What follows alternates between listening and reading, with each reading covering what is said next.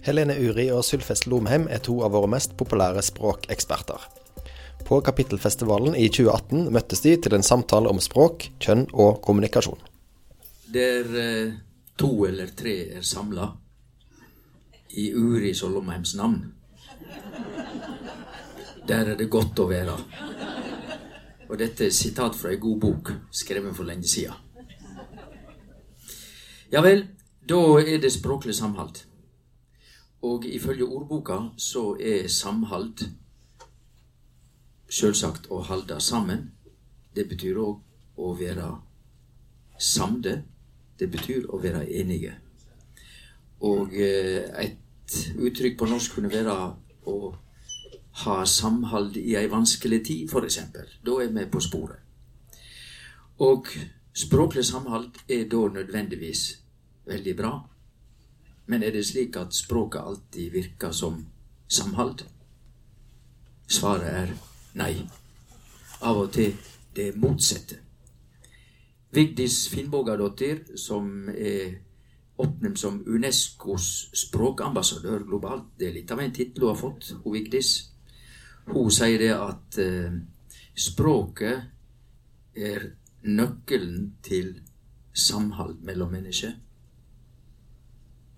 Og språket er også nøkkelen til ikke godt samhold mellom mennesker.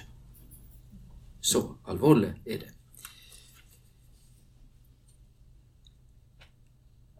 Da kan vi begynne med dialekt. Jeg skal ikke si mye om dialekt, men i denne stunda her så er jeg nødt til å si at funksjonen til dialekt er jo at det holder ei gruppe med mennesker sammen. Og så skaper det avstand til andre. Så eh, dialekt har samholdsfunksjon. På det nasjonale plan så skriver Helene og meg norsk, litt ulik norsk, men skriftspråket vårt, altså det nasjonale skriftspråket, er også et samhold i nasjonen. Ingen tvil. Men dette var det opplagde og det enkle. Nå skal vi begynne på det litt tøffere. Fordi at vi har jo noe som heter tale og skrift. Og eh, når det gjelder å skape samhold mellom mennesker, så er det ingenting som kan måle seg med det som vi gjør nå, selv om jeg snakker til dere bare. Vi snakker sammen, og fysisk så ser vi hverandre. Er ingenting som kan måle seg med det. Finst ikke. Tale er rikt. Tekst er primitivt. Sier en som har skrevet noen bøker, slik som Helene har gjort. Men jeg mener det i veldig og fullt alvor. Det er det moderne menneskets nærsynthet som gjør at ikke det oftere blir sagt enn da det burde være opplagt. Det er talen som er rik, og som virkelig skaper bånd mellom folk.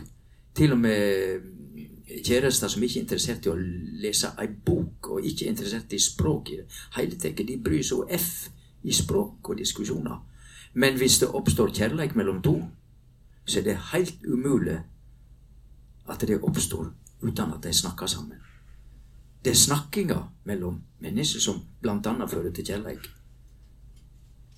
Fascinasjon for hverandre kan oppstå når vi ser på hverandre og tuller litt og slik, men det blir ikke alvorlig før folk har snakka seg til hverandre. Tekst er aldeles nydelig å lese og lære, nyte godt skrevne tekster og alt dette her. Men det har ikke den makta og den krafta som talen har, til å skape samhold. Og også det talen som virkelig kan skape det motsatte.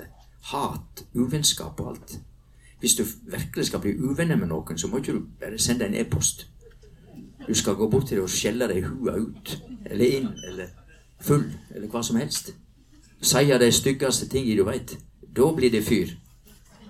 Ja. Så det er talen som er mektig, og som kan gi mektig samhold, og mektig det motsatte. Og det, Dette, Jeg må jo gjøre litt reklame, jeg òg.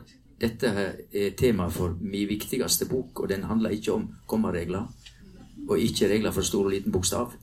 Ikke ett ord om norsk språkpolitikk. Den handler om å snakke. Og det kan låne henne her oppe i biblioteket. Den heter 'Tale er gull'. Og så har jeg med meg ei anna bok fra biblioteket på Universitetet i Kristiansand. Den er selvsagt ikke på norsk. 'The Language of Social Media' språket i sosiale medier. Og da eh, skal de få vite hva jeg sier, og som jeg bl.a. skriver her. Det er jo løgn å kalle disse teknologiske, som eh, jeg også har et eksemplar av her, for sosiale medium. Det er usosiale medium. Selvsagt er det det. Og det betyr ikke at jeg ikke bruker dem.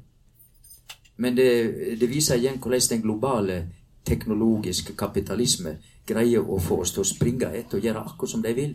Vi sluker det rått. Ja, det er fantastisk med den sosiale kontakten på sosiale medier. Det er forferdelig praktisk, men det er primitivt. SMS er livsfarlig når det gjelder å tolke. Altså, jeg har gjort det sjøl. Jeg skriver masse SMS, og jeg ser jo at de fleste SMS-er kan misforstås, mistolkes. Eh, bare noe så enkelt som 'Jeg er redd for deg'. Og så et smilefjes eller et eller annet. Ja, det kan bety at eh, virkelig eh, du skremmer meg, eller jeg har omsut for deg.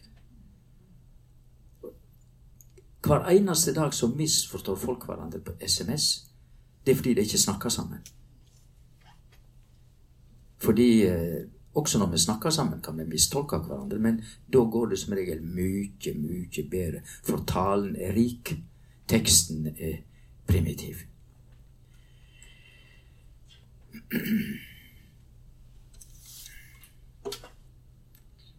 Vi kan gå et steg videre på samholdet, som har vært tema her, eller som blir tema. Jeg er ikke sikker på når det er før eller etter oss.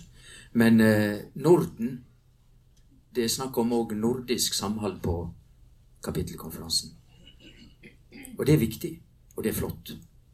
Men det nordiske samholdet er nå i ferd med å bli nesten umulig.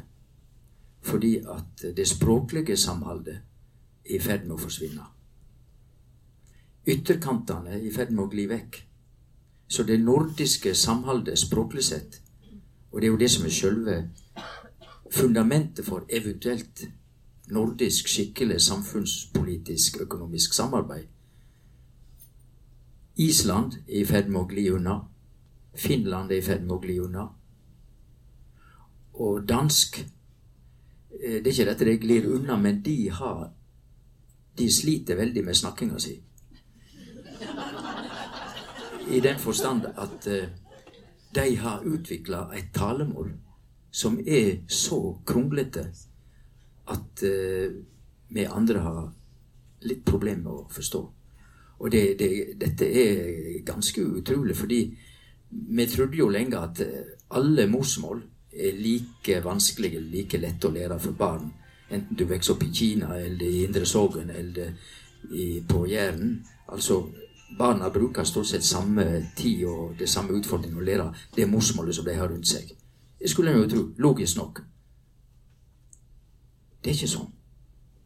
Det viser seg nå at danske barn bruker lengre tid på å lære å snakke dansk enn svenske barn og norske barn. Og det må pinadø ikke gå til Danmark og si at forklaringa til danske barn er mindre intelligente enn norske. Det vil ikke danskene godta. Nei, nei, nei. Det er rett og slett at det danske lydsystemet er objektivt sett mer kronglete og vanskelig å lære enn norsk og svensk. Så Danmark er òg i ferd med å kappe trosser og gli unna. Og da står det nordiske språklige samholdet bare igjen med norsk og svensk. Og det er jo fint for de som snakker nynorsk, fordi at nynorsk og svensk er jo likest på hverandre. Det veit ikke de i Oslo, men Men Og også er det bokmål og dansk. Til og med svenskene veit jo ikke at uh, nynorsk likner mer på svensk enn bokmål. For det hører de jo aldri. Men i blindtest så viser det seg Sjølsagt. Hva heter kjærleik på svensk? Hva heter samvit på svensk? Hva heter å elske på svensk? Elska. Altså, vi vestlendinger er jo så heldige at vi har Nordens største infinitiv i tall. Infinitiv på A. Og så er det en del som skriver nynorsk og Ja, vi må vel bruke infinitiv på E, for er ikke det liksom den moderne nynorsken? Jeg blir så forbanna. Vi har jo A, og ikke bare er det Nordens største infinitivsending, det er òg en fullvokal, altså mest klangfull. Det var evangeliet som jeg ønsker jeg skal gå hjem med i dag.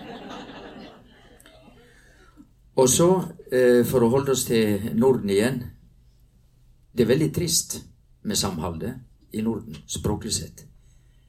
Jeg tror at islendingene er liksom de som holder oppe det som er byrga av her i Norden, språklig sett. Det er feil. Det fins ikke noe ungdomsgruppe i Norden, altså når vi tar ungdomsbefolkningen, de yngre Det fins ikke noe yngre eh, altså ungdomsgruppe i Norden som snakker så mye engelsk i det daglige, også seg imellom, som islandsk ungdom. Det er skummelt. Men dette er jo objektive undersøkelser.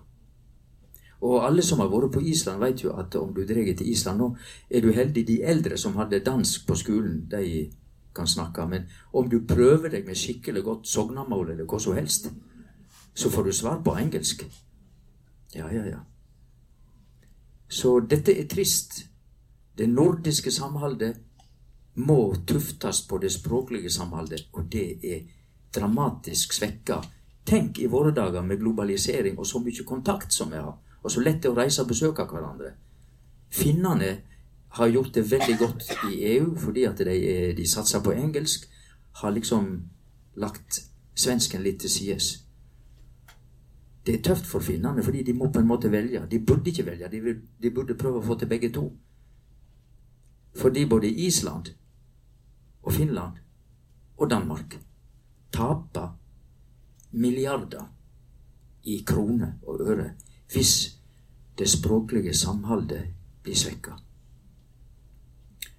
Jeg kunne snakke om det kulturelle og det menneskelige og fine i dette, men for de som bare se på kronene og milliardene som argument, så vil jeg bare si det at eh, det nordiske språksamholdet er verdt milliarder i den globale konkurranse. Så lenge vi kan opptre felles kulturelt og språklig samhold på det nivået, så står vi mye sterkere i den globale internasjonale konkurranse. Dette er ganske logisk, men det er sjelden at politikere snakker slik. Ikke næringslivsfolk heller. Når det gjelder um, språk ellers, jeg skal snart uh, gå inn for landing, som det heter. Men um, språklig samhold, som jo er kommunikasjon mellom oss mennesker Naturligvis er det viktig, men da vil jeg bare avslutningsvis, som det heter, peke på at språket vårt er mye rikere enn som så. Dette med å snakke sammen, det er bare én av de tre grunnleggende funksjonene til språket. Den andre funksjonen er at språket er vår viktigste redskap til å forstå, vite, rett og slett analysere verden. Det er en ganske viktig funksjon. Og den tredje, den er så viktig at det er nesten ingen som nevner den. Og det er at vi skaper oss sjøle og også andre som mennesker gjennom én ting, nemlig språket. Så samhold er bare én av de tre. Og da går det an øh, Jeg prøver jo å lage litt system på dette. Vi kan sette opp de tre viktigste Eh, prosessene som er knyttet til språket hos mennesker. Og da har jeg funnet tre ord som begynner på bokstaven K. Første kommunikasjon. Og det er den vi stort sett snakker om. Så kommer den andre, på K. Kognisjon, som har med vet å gjøre, analyse og viten, kunnskap. Og så det tredje på K. Konstruksjon. Vi konstruerer både oss sjøle og delvis andre. Vi bygger oss opp. Vi blir til noe. Det er slik at alle det som sitter her, og det er individ med karakteristiske trekk, og det har blitt til noe, det det sjøle er. Og det har det blitt bare stort sett gjennom én ting. Gjennom å snakke med andre. Og det er ikke slik at uh, vi blir kloke mennesker ved å gå opp på viddene og tenke djupe tanker i ensemda. Det er veldig fint å komme vekk fra folka, for det er jeg enig i, men det er ikke der vi blir kloke. Nei, vi blir kloke ved å snakke med andre mennesker, at andre mennesker snakker med oss. Og det betyr òg, da kommer det en litt eh, røff, brutal, men egentlig morosam konklusjon. Det pinadø ikke alle mennesker vi burde bruke tid på til å snakke med. De gir oss for lite. Og alle som er i denne sal, veit når de tenker ikke om noe Ja, hun og hun, han de utvikler meg når vi snakker sammen. Sånn er det. Og hva heter det på hebraisk? Amen.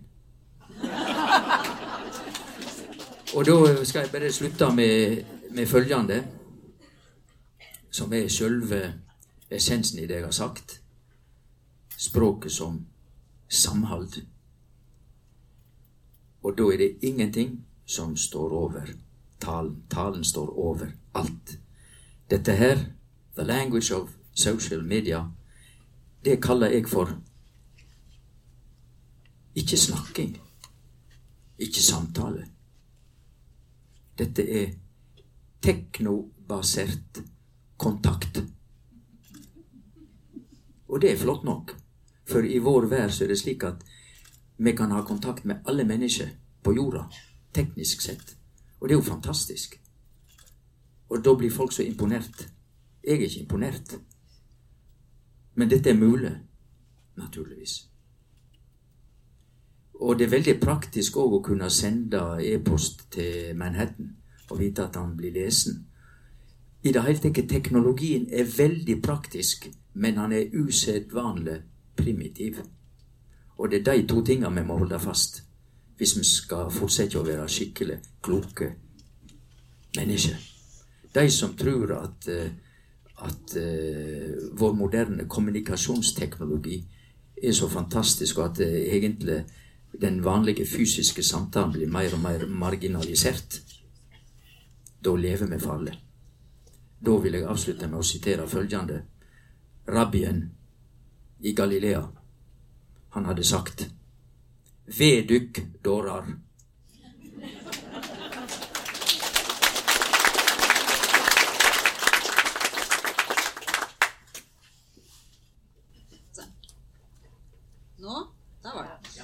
Eh, språk binder. Da er det samhold. Og språk kan splitte. Da er det mangel på samhold. Og det er eh, jo noen forskjeller mellom Sylfest og meg som i hvert fall potensielt sett kunne splitte oss.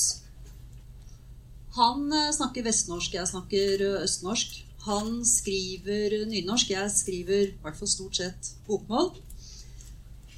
Og så er det en forskjell til mellom oss. Jeg er kvinne, Sylfest er mann. Og det er kjønn det skal handle om i mitt innlegg.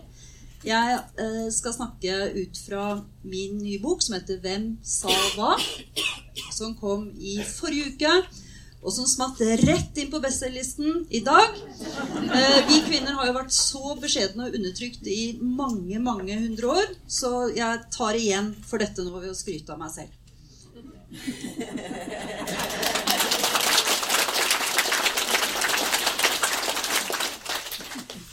Filosofen Ludvig Wittgenstein sammenlignet språket med en gammel by. Det er et bilde jeg liker. En by er en labyrint av trange gater og plasser, av nye og eldgamle hus side om side, og i utkanten ligger boligfeltet med rette veier og likeartede hus. Min by er også sånn, en blanding av gammelt og nytt, slik språket mitt er. Gatene rundt der jeg bor, er alle oppkalt etter døde menn. Malere, statsmenn, en numismatiker, en prest, en arkitekt. På vei til butikken passerer jeg en byste av en kjent mannlig maler. Litt lenger opp i gaten står en skulptur av en navnløs og naken kvinne. Jeg leste fra innledningen til eh, boken min fordi jeg syns at Wittgensteins sammenligning mellom by og språk er en god sammenligning. Og på samme måte som det i byen er mange menn, så er det det i språket mitt også. Nordmann og førstemann og formannskap og bemanning og manne seg opp og seierherre og forbrødring. Og så er det disse ballene, da. Jeg nevner dem allerede her, men jeg har ikke tenkt å slippe taket i dem. Eh, Ord er broer tilbake til fortiden. Og ofte så er det sånn at holdningene har vi lagt bak oss, men ordene bruker vi ennå. Og akkurat som det i byen bygges nye hus, så lager vi nye ord. Opphaver heter det i den nye åndsverksloven. Politikvinne er blitt et vanlig ord. Pronomene 'hen' er det jo mange som har meninger om.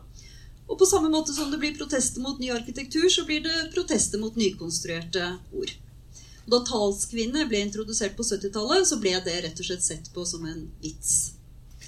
Og, og, mitt poeng er at jeg er helt sikker på at det gjør noe med innbyggerne i byen å vokse opp omgitt av mannegater og mannlige skulpturer. Og på samme måte så er jeg overbevist om at det gjør noe med oss. Gjør noe med oss voksne som er omringet av dette språket.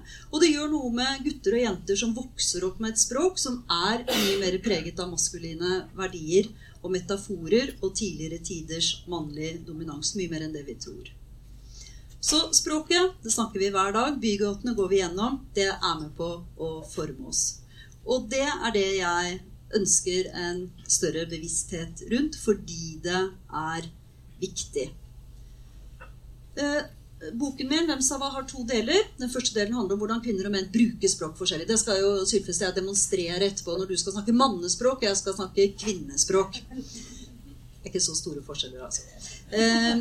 Den andre delen handler om hvordan kvinner og menn fremstilles forskjellig. Altså hvordan man, eh, vi blir omtalt på ulikt vis i aviser, på radio, TV, eh, i hverdagsspråket. Og jeg skal begynne i den enden. For da er det nemlig sånn at nedsettende betegnelser for menn er ofte kvinneord, altså ord som brukes om kvinner. Det er ikke ment som noe kompliment når en mann kalles for kjerring eller jentete, eller en gutt kalles for en jentegutt. Er du dame, eller? Hæ? Å gå på ski som en jente og kjøre bil som en kjerring er heller ikke noe sånn spesielt positivt ment.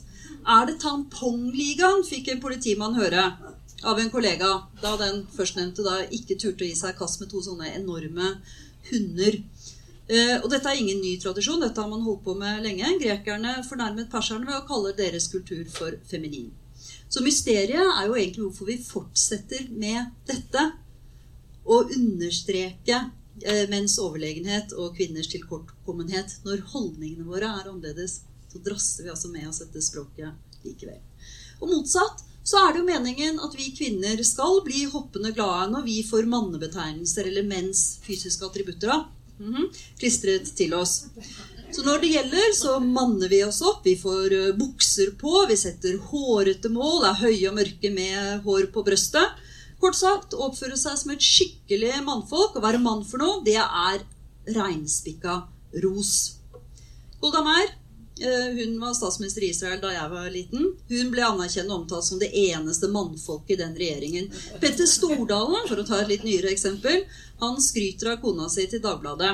Sitat, hun er på mange måter mannen i forholdet som reiser rundt og tror hun kan redde verden.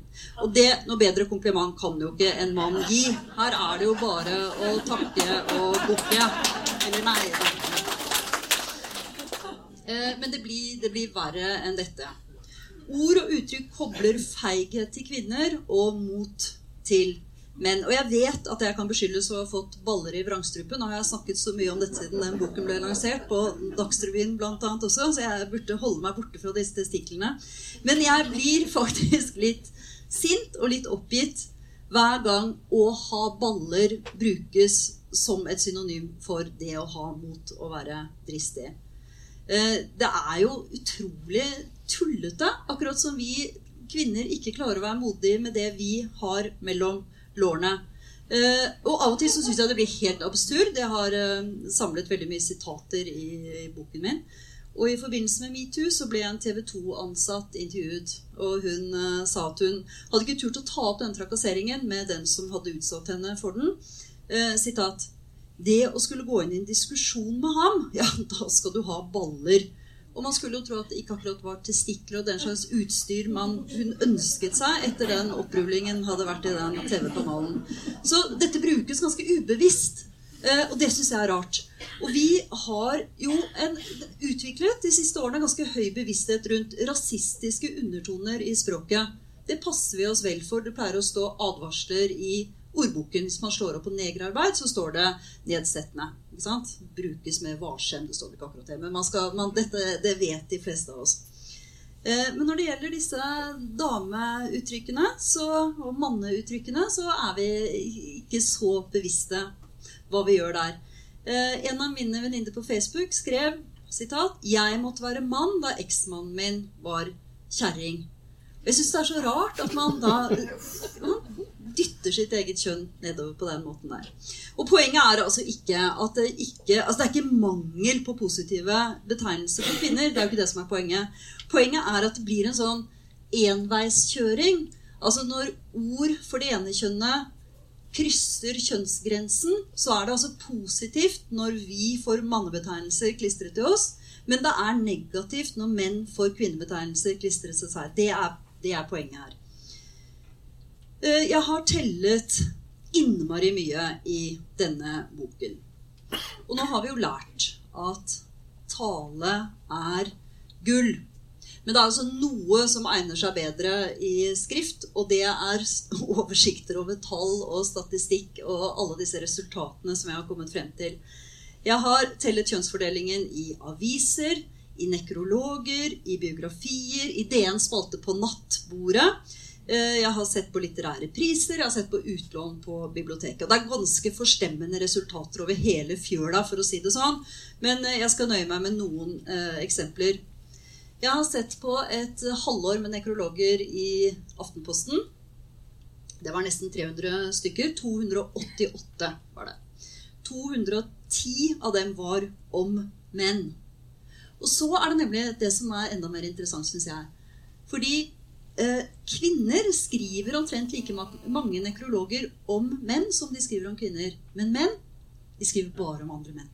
Så 90% av de nekrologene som menn skriver, er om andre menn. Eh, tilsvarende resultat for biografier. Jeg har sett på de 305 biografiene som er utgitt på de store norske forlagene fra år 2000 og frem til 2017. 79% av disse biografiene handler om menn. Mm -hmm. 74 eh, av dem er skrevet av menn. Og så ser vi akkurat samme mønsteret. Altså Når kvinner skriver biografier, så er den biograferte like ofte en kvinne som en mann. Altså Det er ikke noe forskjell der. sånn Omtrent halvparten av de biografiene vi skriver, det handler om kvinner, det handler om menn. Men menn skriver nesten aldri om kvinner. Så i 90% av de tilfellene vi har å gjøre med mannlige biografer, så er den biograferte også en. Så det er ikke stor sjanse for at jeg kommer til å få en biografi skrevet av en mann om meg når den tid kommer. For da burde jeg vært kongelig. Eller så burde det vært en Altså Hvis jeg hadde hatt en sønn, så kunne han skrevet. Men jeg har jo ingen sønner, jeg har bare døtre. Så hvis jeg skal få en biografi, så blir det, så blir det en dame som kommer til å skrive den. Um, det er 47 store litterære priser i Norge. Det er ganske mange de gis dobbelt så ofte til menn som til kvinner, altså i snitt. Og av disse 47 prisene så er det bare tre som da opp gjennom årene har blitt gitt til flere kvinner enn til menn. Tre av de 47. Og da, da bikker de akkurat 50 eh, da. Og hva skyldes det? Kanskje menn skriver mye bedre bøker enn oss? Det kan jo hende. Jeg er jo språkviter og ikke litteraturviter, så jeg, har, aner jo ikke dette her. Men Jeg vet at kvinneandelen i amerikanske orkestre steg betraktelig da man begynte å la utøverne prøvespille bak et forheng. Og jeg vet at en undersøkelse viste at hvis en forfatter sendte inn et manus under et mannlig forfatternavn, så var det åtte ganger så stor sjanse for å bli antatt enn hvis man sendte inn nøyaktig det samme manuset under et kvinnelig pseudonym. Så litt grammatikk. Jeg har eh, boltret meg i grammatikk i denne boken. Jeg skal bare plage dere grann med det. Eh, jeg har bl.a. funnet ut, og jeg viser også til andre undersøkelser, at kvinner mye oftere enn menn er i eh, altså den som handlingen går utover. Hvis vi snakker om passive og aktive konstruksjoner, så er altså kvinnen oftere den som er ja, det som vi kaller patiens. Den som handlingen Den som det går utover. Mens eh, mannen, oftere enn kvinnen, er da den handlende. Agens, den som utfører noe. Så mannen er den handlende, kvinnen er den handlingen går utover i vid forstand. Eh, pronomen. I, jeg har brukt ganske mye av disse store korpusene, altså disse store ordsamlingene, som det fins på Universitetet i Bergen, det fins også på Nasjonalbiblioteket. Og det er altså milliarder av ord. Veldig fascinerende å gå inn i. Og i Nasjonalbibliotekets eh, store ordbase, som er bygget opp av altså, aviser, skjønnlitterære, eh, sakprosabøker, barnebøker, alt mulig eh, Hvis jeg da trykker på at jeg vil undersøke i avisdelen av dette korpuset, så finner jeg ut at han er brukt tre ganger oftere enn hun i norske aviser. Menn er mer interessante. Bare en bitte liten uh, parentes, ganske illustrerende. I et av populærkulturens aller mest sentrale verk, nemlig 'Hobbiten', så forekommer pronomene 'han' nesten 1900 ganger. Og 'hun' forekommer én eneste gang. Så innvånerne i Tolkiens fantasiunivers er alle hankjønn. Altså alle dverger og alver og fugler er he. Men altså, vi er jo med, da. Denne ene forekomsten av ski, det er den mannlige hovedpersonens kone. Så ikke kom og si at ikke vi er representert her i også. Eh, I grammatikken og ellers i språket så er det sånn at mannen får da æren og gleden av å være både mannen, altså det maskuline, og det universelle. Det som viser til oss alle. Eh, sånn som i nordmann, f.eks. Vi er alle nordmenn. Eh, og vi kan se på altså forfedre inkluderer både kvinner og menn. Skuespiller inkluderer både kvinner og menn. Men skuespillerinne, eller hvis vi snakker om formødre eller nordkvinne, så er det bare oss damene. Eh, og denne maskuline dobbeltheten er jo ikke tilfeldig i det hele tatt. Vi finner det samme mønsteret i veldig mange språk. altså Bare tenk på engelsk. Man betyr både mann og menneske. Om på fransk. Eh, mader på norrønt betydde både mann og menneske. Det kan vi jo hvis vi siterer Håvamål i ny og ne, det burde vi jo gjøre, så brukes jo mann der som både mann og menneske. Førstemann, rødmann, vannmann, statsmann, nordmann, franskmann, altmuligmann, overmann, ankermann, handyman, ordensmann, spellemann Jeg visste at jeg kom til å bli smittet. Oppmann, varamann, sidemann, opphavsmann, verdensmann, sistemann.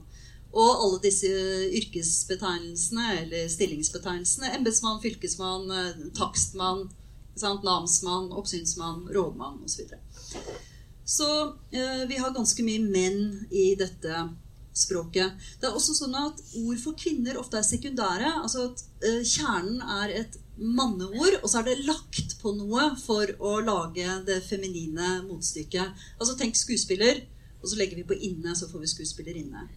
Og tenk på, tenk på, tysk, tenk på fransk, tenk på italiensk, tenk på spansk. Akkurat det samme. Man har noe som betegner da det allmenne og mannen, og så legger man på en endelse, og så får man noe som er spesifikt eh, kvinnelig. Eh, det er to ord i norsk som er motsatt. Som er sånn at det tar utgangspunkt i dama, og så er det lagt på noe som viser at det er en mann. De to ordene er brud, så har du brudgom, hvor du har lagt på noe. Og så har vi enke, og så har vi enkemann. Og dette sladrer jo om hvor viktig da sivil status og det å være gift har vært for kvinner. Mye viktigere enn det har vært, vært for menn. Um, ja, vi kunne sagt mye mer om dette. Tenk på alle ord for uh, Tenk på seksuell renhet, altså jomfru, f.eks. Vi ja, vi har jo et perifert ord for en mannlig jomfru, altså svein. Det brukes jo nesten ikke.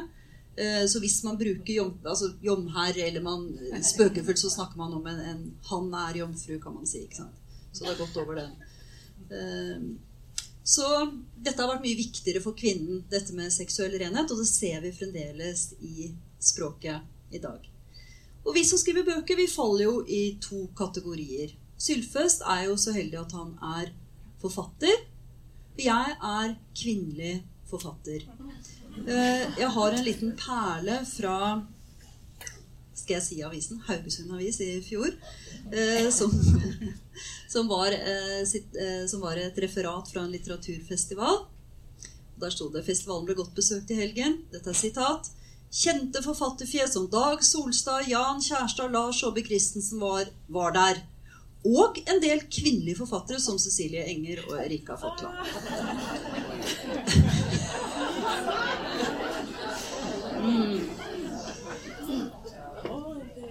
Mora di jobber ikke her, står det på ark klistret opp på utallige arbeidsplasskjøkken. Og den frasen brukes jo også hyppig av eh, journalister når det er snakk om opprydning. Vi kvinner er eh, knyttet til husarbeid.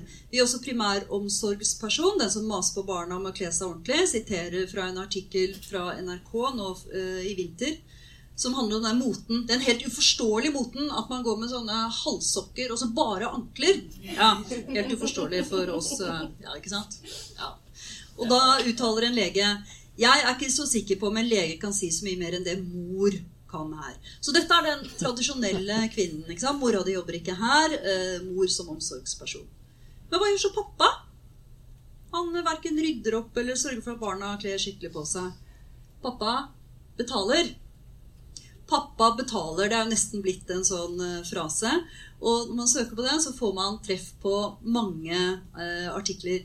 Og det som er så pussig, det er at i artiklene så står det jo om foreldrenes penger. Det er jo stort sett sånn i Norge i dag at også vi kvinner tjener penger. Men når det står at eh, barna skal få hjelp til, eh, til leiligheten, så står det, om, står det at foreldrene trår til. Mor og far eh, gir støtte. Men overskriften 'Pappa betaler'. Pappas penger. Eh, og hva er så dette, annet enn sånn slapp journalisthumor? Jeg mener jo at det dessverre også er en måte å videreføre tradisjonelle kjønnsroller på, og et syn på kjønn som vi egentlig har forlatt for en stund siden. Fordi språket fungerer som en fryseboks, der tidligere tiders holdninger blir bevart, og da brukes lenge etter best før-datoen. Og jeg er ikke i tvil, vi blir påvirket av måten vi omtaler kjønn på. Eh, kanskje gjør det også noe med måten vi snakker på. Det er jo det del én i boken eh, handler om. Vi har en del forestillinger om hvordan kvinner og menn snakker. Eh, hvordan vi snakker forskjellig. Kvinnespråket er som dere vet, mer indirekte, mer fylt av følelser, av tomme småord. Vi er jo usannsynlig skravlete. Men vi kan jo alle tenkelige fargenyanser. Det skal vi ha. Så menn, stakkar, de aner jo ikke forskjellen på rosa og burgunder. Aldri hørt om det.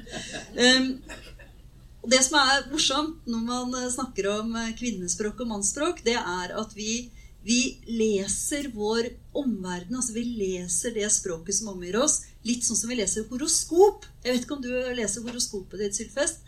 Eh, Men da er det hvert mange av oss som leser horoskopet, vil jo da legge merke til de tingene som stemmer. Ja, ja, ja, sånn er jeg. Jeg er skytte. Jeg er veldig sånn temperamentsfull osv. Og, så og så hopper man bare bukk over det som ikke stemmer.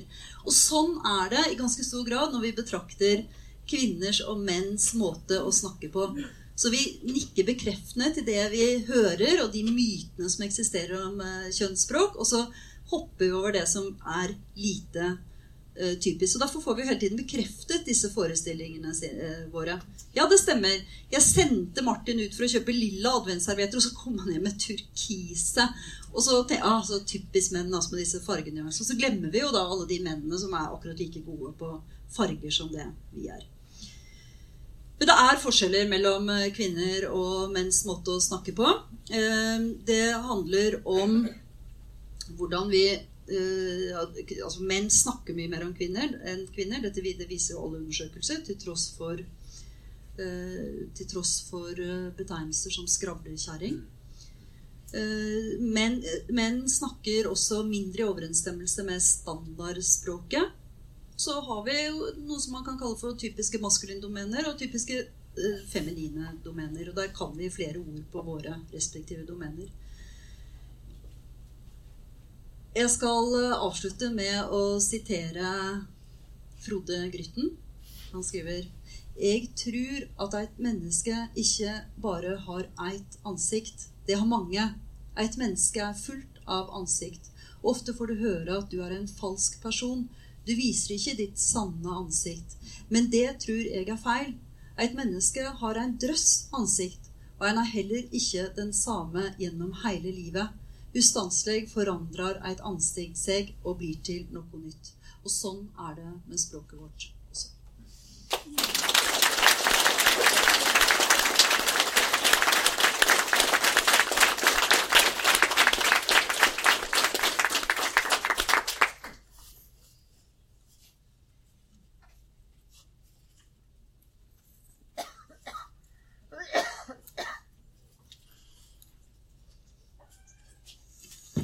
Sånn, ja.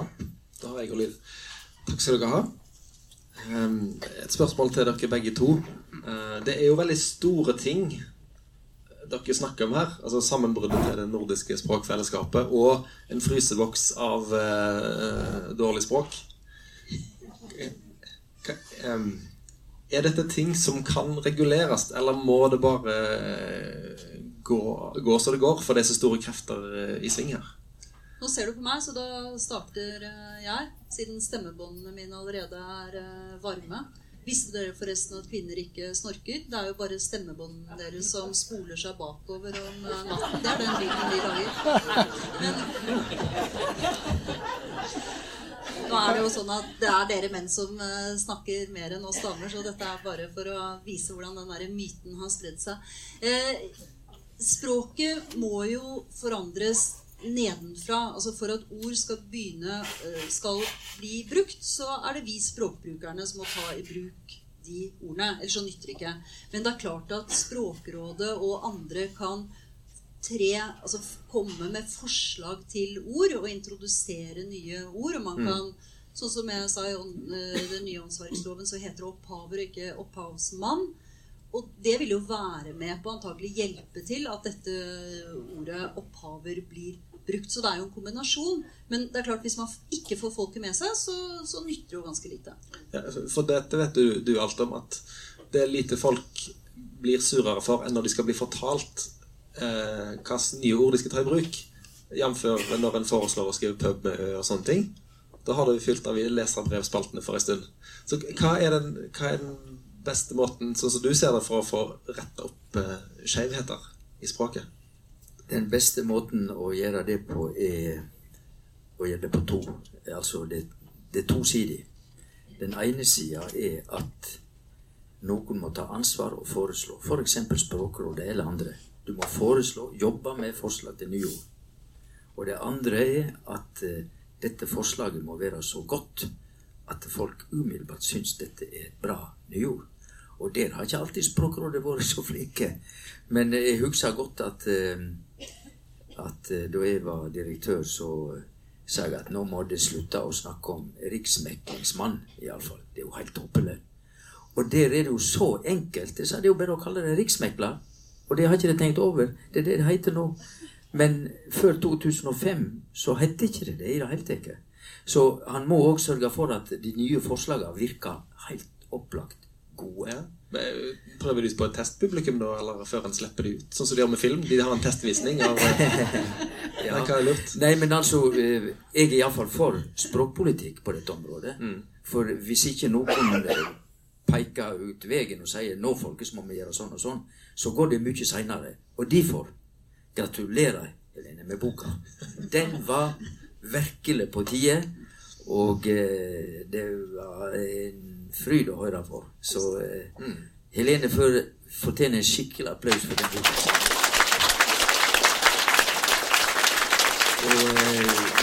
Vi, veit jo at eh, det er ikke mennene som har gått i front heller opp gjennom på 70-tallet. Gro, for eksempel, hadde jo en del ord som hun kom med. og eh, Kvinnene har iallfall vært like flinke som mennene til å foreslå nye ord. Jeg, jeg trodde når du snakka om Bruggom og det andre, at jeg venta på jordmora òg, men hun kom ikke. For jordmora Der er det jo slik at eh, til og med de mannlige jordmødrene har sagt at nei, vi er ikke interessert, vi heter jordmødre vi inntil videre. Så det, men det er virkelig et unntak. Er du inne på det, nei? Ja da, jeg skriver ja. både helsesøster og jordmor. For de har jo valgt å gå hver sin vei. Helsesøster, eh, det, det forbundet har jo kommet med et forslag. Det er vel helsesykepleier som nå venter på å bli godkjent. Mens Jordmorforbundet og Jordmorforeningen de vil holde fast ved jordmor. Og jordmor er jo et utrolig vakkert uh, ord. Men samtidig så syns jeg det er interessant å da kunne peke på en undersøkelse som jeg leste i forbindelse med boken, som viser at hvis man overfor en skoleklasse da snakker om en, en, et yrke, og det yrket er kjønnsspesifikt, altså la oss si, for, si eh, politimann, da. Så hvis man da snakker om ja, dette gjør en politimann, sånn er arbeidsdagen til en politimann, så spør man elevene etterpå, så er det da guttene som tenker at ja, dette kan passe for meg. Jeg kunne egentlig godt tenke meg å bli politimann. Og de, jentene vil ikke det. Men hvis man da presenterer akkurat det samme og sier at eh, denne politibetjenten gjør sånn og sånn, dette er eh, arbeidsdagen til en politibetjent, så vil både gutter og jenter synes at dette høres spennende ut.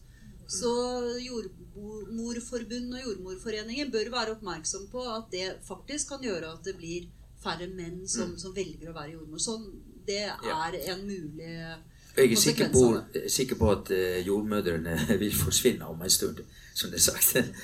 Eh, jeg tror nok det. Men ellers så viser det noe helt grunnleggende, nemlig språk og ord har faktisk makt.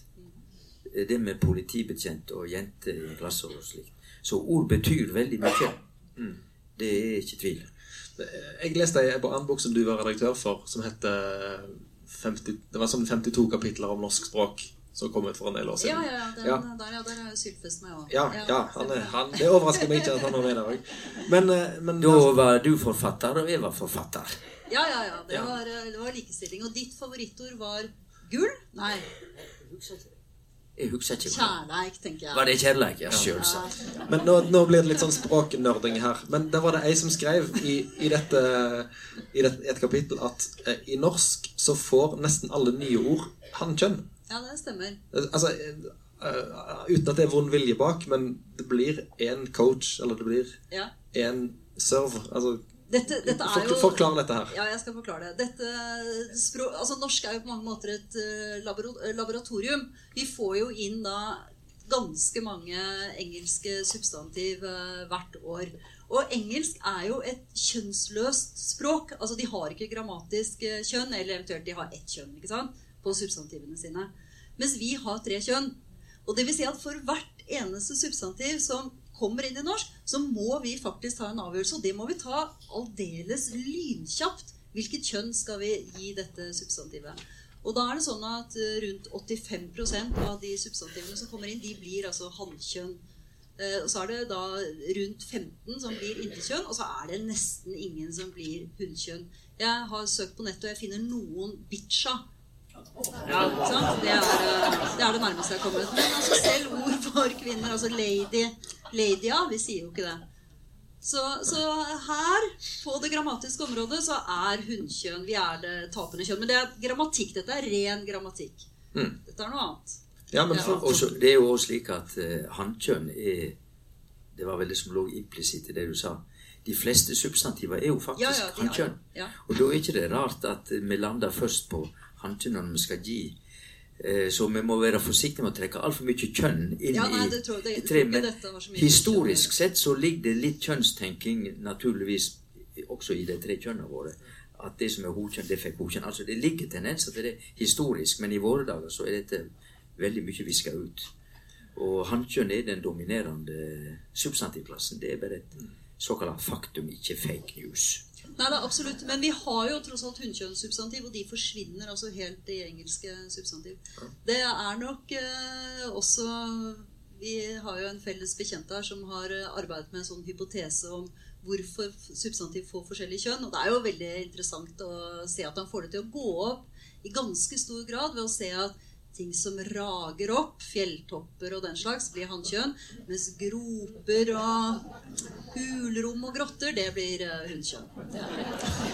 I alle indoeuropeiske språk. Ja. Ja, hvordan er Norge sammenlignet med andre land når det, når det gjelder eh, hvordan kjønn eh, blir karakterisert gjennom språk? Eh, de språk jeg, jeg, kan bare, jeg kan bare europeiske språk, og ganske få av dem også. Men eh, jeg tror det er nokså likt. Jeg tror ikke Dette er en arv vi bærer med oss. Mm. Men er det Tysk, tysk har jo tre kjønn, og det er stort sett det samme der. Altså det, fransk har bare to, men eh, der òg er det slik at hannkjønnet er det som prosentvis er den største ordklassen. Eh, substantivtypen, unnskyld. Ja. Det, I fransk er det vel sånn at hvis det er en forsamling hvor det er én mann, så er det en, et hannkjønnsflertall. 100 damer og én mann, da blir, det, da blir man omtalt i hannkjønn, ja. Ja. Sånn er det. Sånn er det. Sånn er det på tysk òg. Ja. Ja. Spansk. Men, men er, altså, når, når vi lager nye ord nå Du nevnte den fryseboksen. Er det en bedring å se? Altså at nye ord blir at vi er mer bevisst på å finne ord som er mer eh, nøytrale? Ja, det er helt klart at når disse ordene kommer ovenfra, altså fra myndighetene, så er jo dette noe man tenker over. Men jeg må jo si at jeg ble overrasket over eh, den kjønnsforskjellen jeg ser i norske aviser. Når vi tross alt lever da i verdens mest likestilte land, og se det at man opererer da med forfattere og kvinnelige forfattere når det går litt sånn fort i svingene. Aftenposten rapporterer fra en bilulykke og skriver da altså om sjåføren og den kvinnelige sjåføren. Altså, det, det er, så når man ikke passer på, så tyter det frem sånne små eh, Altså disse fordommene våre ligger der, da. Men ja, selvfølgelig, når myndighetene er inne, departement, eh, Språkrådet, så er det klart man tenker på dette. Men det, hvis jeg kan eh, legge til, så er det punkt én Det har skjedd veldig mye siden 70-tallet, som du har vært inne på. Veldig mye. Og da blir det òg en tankekross at eh, i 2018, når vi ser i avisene og det du Så får du litt kjakeslepp, altså. At det fremdeles er så mye som folk ikke tenker over. Dette går jo ikke an. Mm. Så vi har fremdeles ting å jobbe med. Ja. Overraskende mye. Og det er jo det du dokumenterer så grassat bra. En, en annen kamp som du var inne på, var jo denne med det nordiske språkfellesskapet, som eh, går litt i oppløsning, sånn som du ser det. Er det en trend det er mulig å snu? Ja, iallfall hvis det er politisk vilje til det. Ikke sant? Så går det an å gjøre noe. Men skal vi, skal vi styrke det nordiske språklige samholdet, som jo vil være grunnlaget for òg næringslivs- og arbeidslivsmarkeder, så, så må det politisk vilje til. Men hvor naturlig er dette samholdet? Altså, finsk og norsk og islandsk står jo for meg som eh, ganske ulike språk. Hvor, hvor engelsk vil være en naturlig eh, møteplass? Ja, men du vet, eh, finsk har jo faktisk hatt to offisielle språk hele tida. Svensk og finsk. For finsk er jo eh, uforståelig selvsagt for alle eh, som snakker ellers nordiske språk.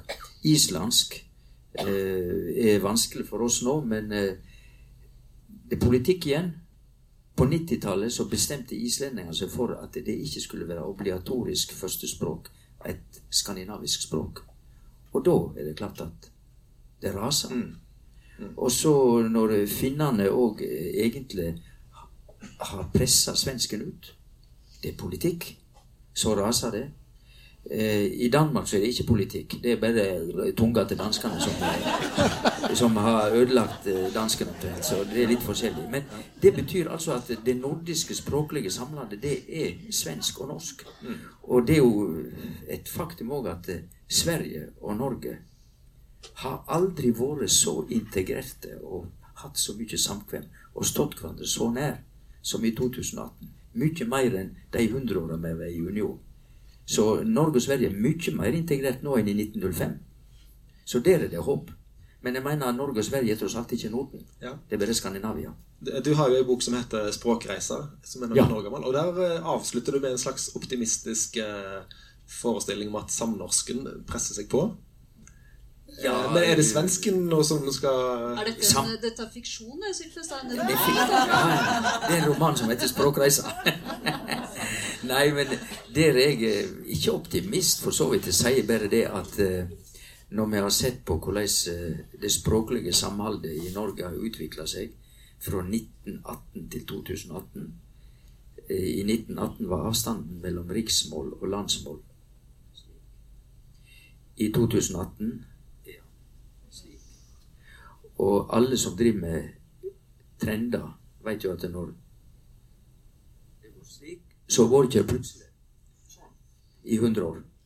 Og det betyr at eh, Jeg sier ikke noe årstall i framtida, men eh, om 100-200 år så er det bare to mulige scenarioer i norsk språk. Og det betyr språklig samhold. Enten så har engelsk overtatt skriftsfæren, men ikke talen. Det går lengre tid. Eller så dør bokmålet, og nynorsken dør. Og så har nordmenn funnet ut at vi lager en eh, fellesvariant uansett. Så det blir en språklig fellesvariant i skrift eller engelsk. Det er ikke slik at nynorsk og bokmål kommer til å fortsette. Og så kan han kanskje si at ja, da blir det bare bokmål igjen. Ja, det kommer an på hvordan det bokmålet ser ut etter hvert. Ja, Det blir en slags fellesnorsk uansett. Ja, for Du har jo skrevet en del om at eh, nynorske ord de siste 50 årene har på en måte infiltrert eh, bokmålen. Å ja, ja, det har de. Ja. Det er bare de nedsynte som ikke ser det. Ja, Og det, det betyr altså Jeg er jo fysisk så nedsynt at jeg burde ha trygd. Men, eh, men nå snakker jeg overført forstand om å være nedsynt. ja du, har, du, har, du har ganske mange eksempler på Ja, du kan ta vedtak, merknad, eh, søknad og vil. Og jeg vet ikke, det har hørt om han. Han er jo ennå i vigør. Han har ikke brukt ordet forandring siden 1980-tallet. Han sier konsekvent endring. Endringer. Alt dette er jo klassiske nynorskord. Altså bokmålet i dag, skikkelig godt bokmål, er overrisla av det som var nynorskord. Men det tenker ikke vi gjennom nå, og det er helt fint. Men hadde vi sagt til ei frue på Frogner på 30-tallet at disse orda her er bokmål, veit jeg hva hun hadde sagt. Nei, dette er fjøslatin. Og det er jo slik at det fins ikke en drosje i Oslo som ikke kjører på nynorsk. Alle kvitteringene har løyvenummer sånn og sånn. Det, det, det er òg nynorsk ord, men det er det som dominerer i bokmål nå. Det gamle ordet er jo bevilling, i, i motsetning til bevilgning. Det er jo så vanskelige ord at folk greier ikke å holde det fra hverandre. Så jeg sier det at uten nynorsk stanser bokmålet. Og det er helt fint. Nydelig. Men, men hva, hva er Jeg må jo provosere hele litt. Nå hadde vi, Sam- vi har det veldig hyggelig her nå. Det er mye Ja. samhold mellom oss, jeg skal ikke ødelegge dette her. Men påpeke at det er ganske stor forskjell mellom enkeltord som overrisler bokmålet, som selvfølgelig er helt riktig, og det faktum at eh, Og det kan man jo synes er eh, dumt og trist. Eh, Jeg skal forholde meg ganske nøytral. At det er jo det konservative bokmålet som i stor grad skrives av de aller fleste skrivende bokmålsbrukere. Så sånn sett så tror jeg jo kanskje at det fremtidsspråket kommer til å være nokså mye mer preget av bokmål enn av, eh, enn av nynorsk. Men eh, vi, eh, vi skal ikke slåss om dette her. Det er jo ingen som lever om 200 år uansett. Og vi er jo glade vi hvis det ikke er engelsk som snakkes i Norge. Kan jeg stille spørsmål? For jeg, Det er en ting jeg er veldig veldig spent på. Jeg synes det er, Siden vi snakker om bokmål og nynorsk Jeg syns det er eh, eh, påfallende hvor mange Det er nok særlig nynorskbrukere, eller i hvert fall dialektbrukere, som skriver eh, sin dialekt i sosiale medier. Og hvordan tror du det vil påvirke fremtiden til nynorsk? Fordi jeg har ikke sett noen undersøkelse på dette, men hvert fall mitt sterke inntrykk er at vi som skriver, har bokmål som hovedspråk, vi, vi holder oss ofte til bokmål også i sosiale medier.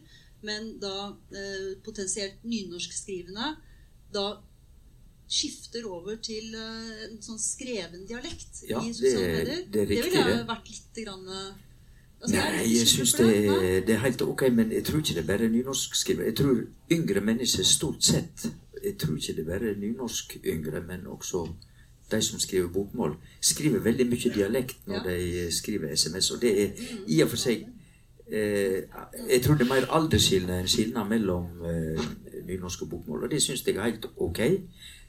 Derimot så er det viktig at norsklærerne i skolen ikke bare kjenner sin besøkelsestid, som emisserene sier, men altså de veit hva de gjør, og at de underviser skikkelig i at skriftspråket i våre dager har flere sjangre enn før, og at det er viktig å vite hva slags sjanger du skriver innafor.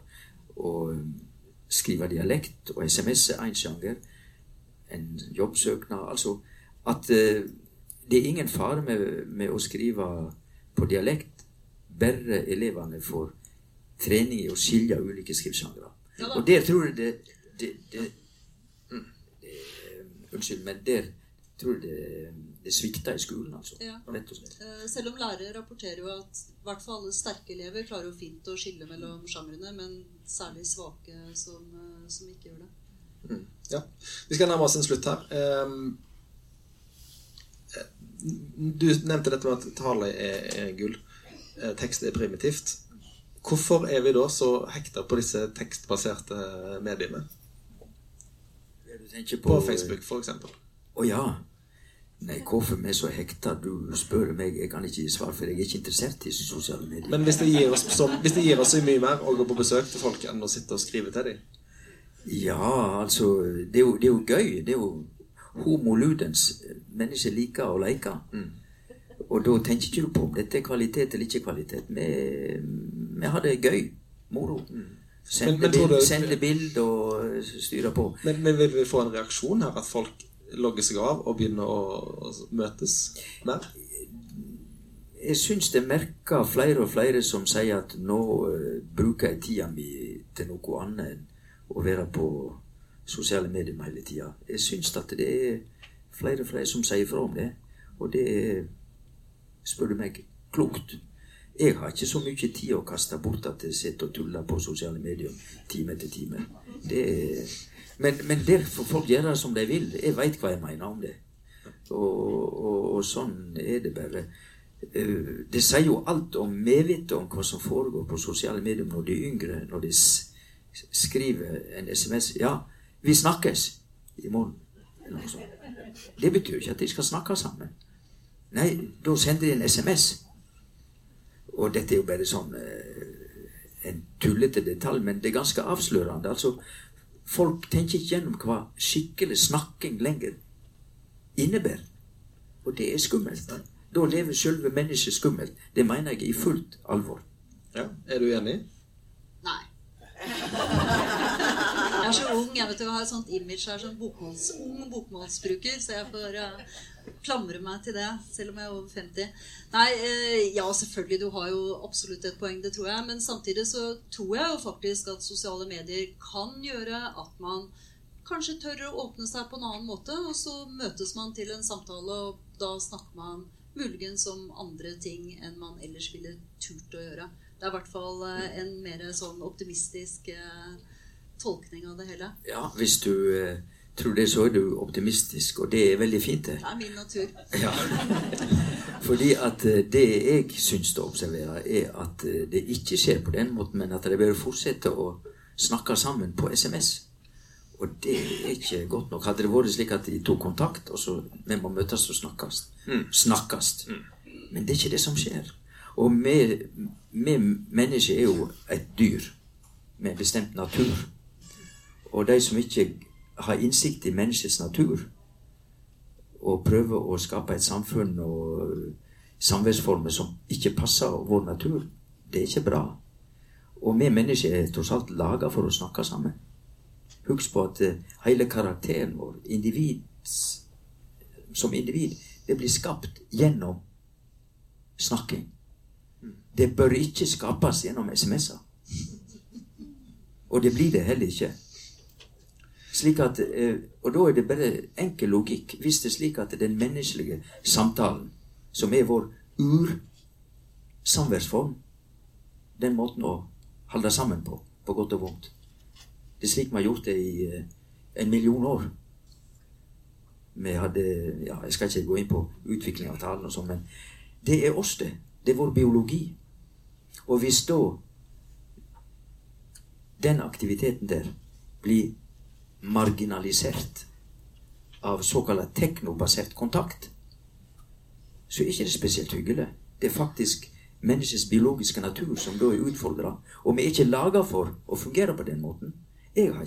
Hvis vi mennesker ut ifra biologiske natur var laga for å utvikle oss pga. SMS, helt fint. Men det er faktisk ikke det som er tilfellet. Vi lurer oss sjøl hvis vi tror det. Og derfor er ikke det spøk at den gode fysiske samtale ansikt til ansikt, hvis den blir marginalisert, og det ser vi tendenser til, det er ikke bra. Og hvis jeg da er pessimist, så vil jeg si ok, det er de gode pessimister som øh, gjør godt i verden, og som sørger for god utvikling. Ja.